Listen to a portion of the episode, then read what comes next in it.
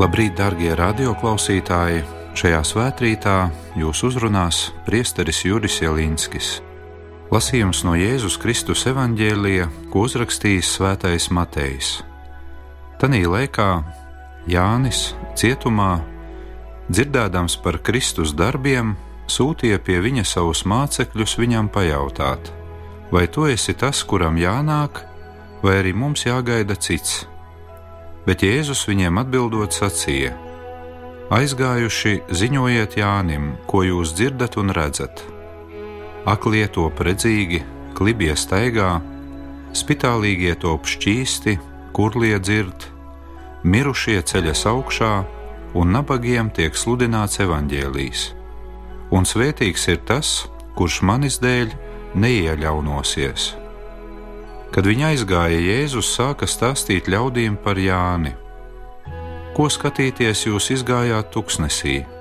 Vēja locītu niedri, bet ko tad jūs izgājāt skatīties? Mīkstās drēbēs tērtu cilvēku? Lūk, tie, kas valkā mīkstās drēbes, dzīvo ķēniņu pilīs, bet ko jūs izgājāt skatīties? Vai pravieti? Jā, es jums saku, pat vairāk nekā pravieti. Viņš ir tas, par kuru ir rakstīts Redzi, es sūtu savu eņģeli tava vaiga priekšā, un viņš sagatavos tavu ceļu tev priekšā. Patiešām es jums saku, starp tiem, kas dzimuši no sievietēm, neviens nav lielāks par Jāni Kristītāju. Tomēr pats mazākais debesu valstībā ir lielāks par viņu. Tie ir svētā evaņģēlie vārdi.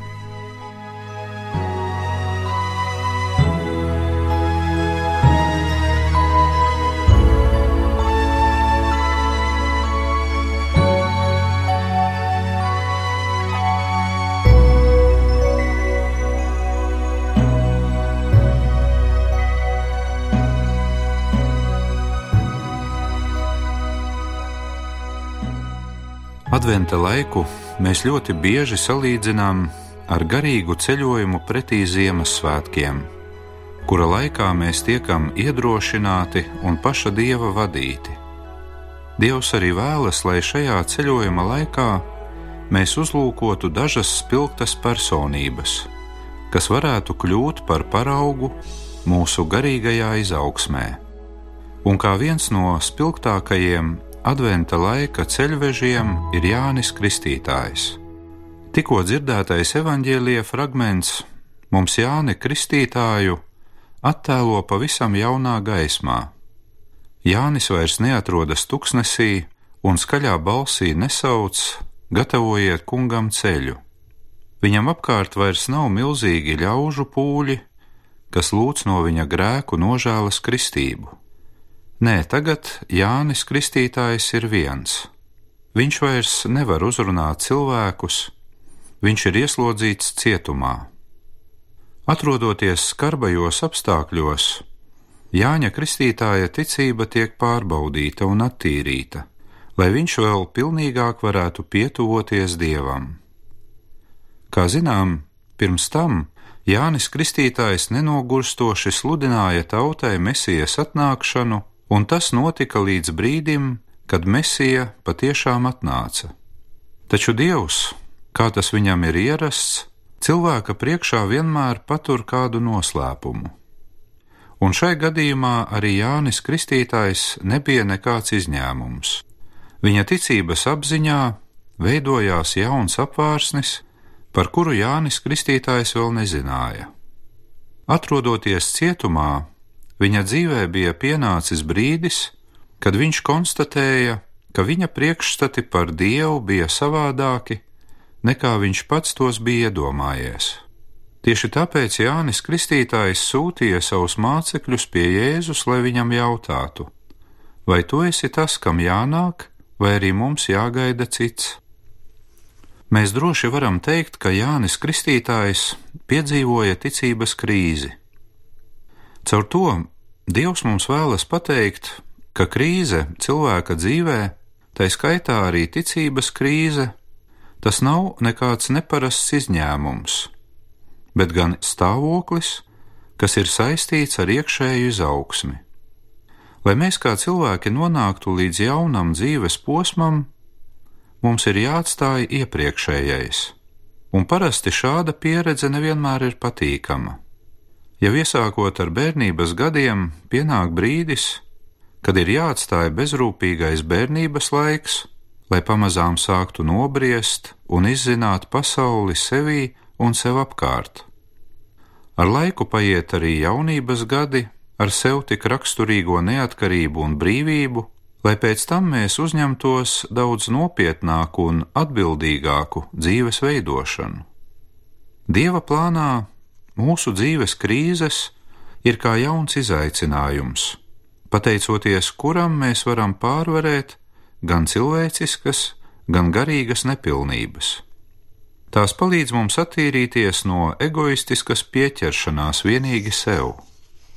Protams, nav viegli aprakstīt visus mūsu dzīves krīžu cēloņus, tomēr ļoti bieži to pamatā ir divi iemesli. Pirmkārt, cilvēki mēdz maldīgi gaidīt kaut ko no dzīves, un otrkārt, mēs nemitīgi koncentrējam savu uzmanību uz veiksmi. Aplūkosim mazliet sīkāk šos divus krīžu cēloņus. Kā jau teicām, ļoti bieži emocionālās krīzes pamatā ir cilvēka maldīgs uzskats par to, ko dzīve var viņam dot. Bieži to mēdz dēvēt par ilūziju. Daudzos cilvēkos mīt tendence aizbēgt no dzīves realitātes, jo dzīves realitāte ir vienmēr saistīta ar darbu, ar piepūli, un ar grūtību pārvarēšanu. Tieši tāpēc daudzi sev rada ilūziju pasauli, kur viss šķiet viegls, vienkāršs un patīkams. Šādu ilūziju pasauli ļoti bieži palīdz cilvēkā uzturēt arī plašsaziņu līdzekļi, kuri var radīt fiktīvu izpratni par dzīvi.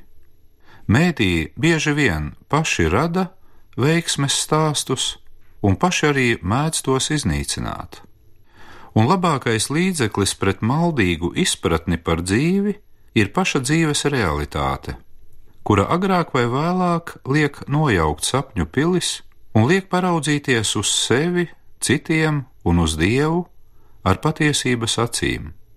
Īstenībā cilvēkam nevajadzētu gaidīt, kad iedomātais, maldīgais priekšstats par dzīvi nonāks krīzē bet ir jācenšas pašam apzinīgi un brīvprātīgi no šāda priekšstata atbrīvoties.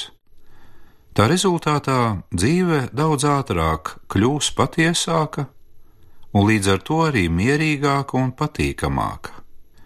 Otrs cilvēka emocionālo krīžu cēlonis ir pārlieku lielā koncentrēšanās uz veiksmi dzīvē.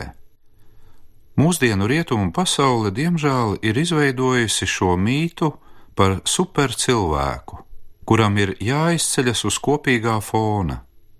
Un bieži šī tendence sevi paaugstināt iet roku rokā ar citu pazemināšanu vai pat citu pazemošanu. Augot un attīstoties šādā sabiedrībā, kura ir vērsta uz cilvēka veiksmi, ar laiku rodas apziņa, ka šāda vēlme ir cieši saistīta ar paša cilvēka dabu, un savādāk nemaz nevar būt. Tomēr, paraugoties uz citām kultūrām, mēs redzam, ka citu vietu cilvēki daudz augstāk par veiksmi vērtē, piemēram, savstarpējās attiecības, daudz lielāku uzmanību veltī garīgām un reliģiskām vērtībām. Reizēm šķiet, ka tiekšanās pēc veiksmes stāsta mūsdienu pasaulē ir kļuvusi ne tikai par galveno vērtību, bet saskaņā ar to tiek mērītas visas pārējās vērtības. Jo vairāk tu esi kļuvis redzams un pamanāms, jo vērtīgāks tu esi.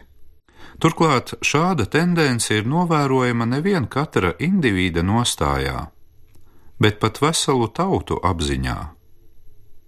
Un lielākā problēma arī rodas tieši tad, kad neizdodas sasniegt šo iedomāto veiksmi tad cilvēks sāk zaudēt savu vērtību un jēgu dzīvē. Tad gribās visu mest malā vai kādam gribas braukt prom no neizdevušās un neveiksmīgās valsts.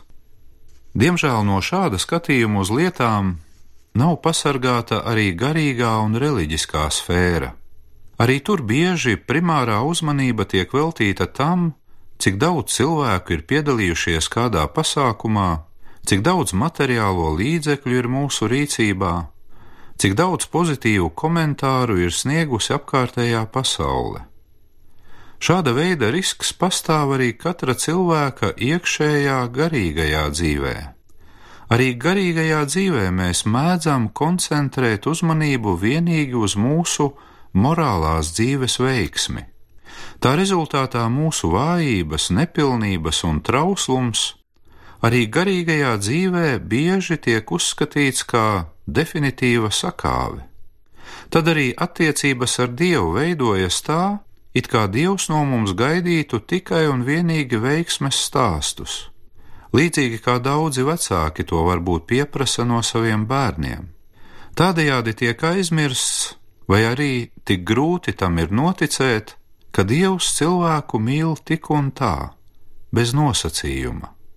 Un mīl arī tad, kad kļūdamies, vai kad piedzīvojam lielākas vai mazākas sakāves. Protams, veiksme dzīvē ir viena no svarīgākajām vērtībām. Katram cilvēkam ir dabiska nepieciešamība sevi apliecināt, lai saskatītu savu vērtību.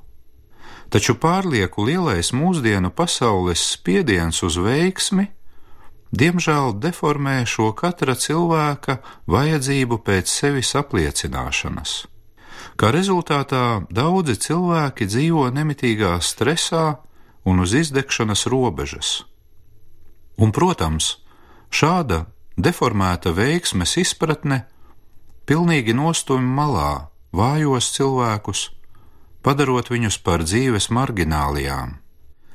Ja tieksmēji pēc veiksmes pietrūkst paškritikas, un ja tā joņo uz priekšu bez bremzēm, tad neveiksmes gadījumā cilvēks nonāk pilnīgi pretējā grāvī.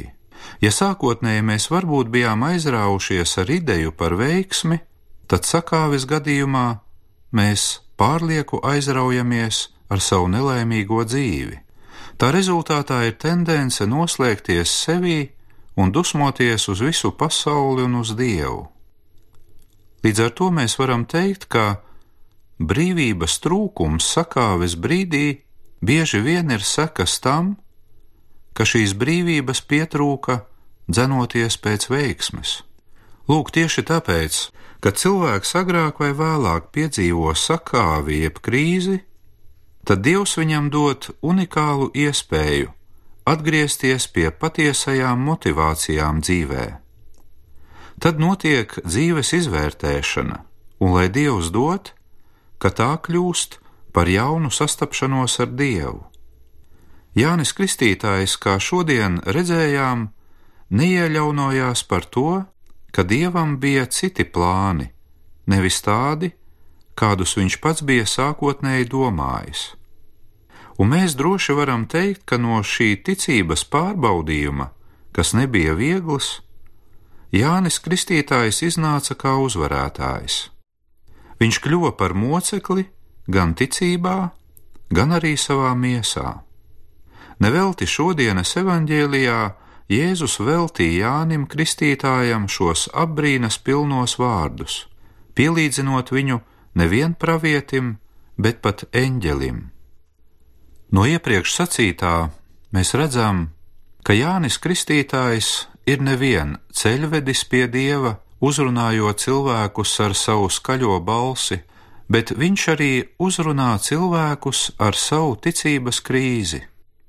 Kā paši labi zinām, tad krīzes, ko pārdzīvojam sevī, reizēm kliedz skaļāk par jebkuriem vārdiem, un ja mēs tās sadzirdam un izdzīvojam tās kopā ar Dievu, tad tas var būt jauns ceļa sākums mūsu dzīvē, tad tas var būt jauns ceļš pretī Ziemassvētkiem.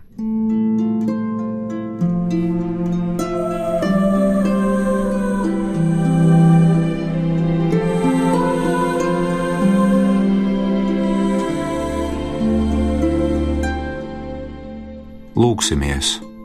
Kungs Dievs! Patreiz mēs vēl atrodamies ceļā, gan adventa laika ceļā, gan arī mūsu dzīves ticības ceļā. Dzīvē ir bijuši un būs vēl daudzi negaidīti pavērsieni, taču māci mūs to visu pieņemt pazemīgi, lai tādās reizēs mēs spējam raudzīties ne tik daudz sev apkārt, bet lai spējam vispirms ielūkoties sevī, saskatot, ka tu, Dievs, esi ļoti žēlsirdīgs, ka tu mūs bezgalīgi mīli. Savu paļāvību uz tevi mēs tagad vēlamies apliecināt ar lūkšanas vārdiem. Tēvs mūsu, kas esi debesīs, svētīts lai top tavs vārds, lai atnāk tava valstība, tavs prāts, lai notiek kā debesīs, tā arī virs zemes. Mūsu dienascho maizi dod mums šodien, un piedod mums mūsu parādus, kā arī mēs piedodam saviem parādniekiem, un neieved mūsu kārdināšanā, bet atpestī mūs no ļauna Āmen.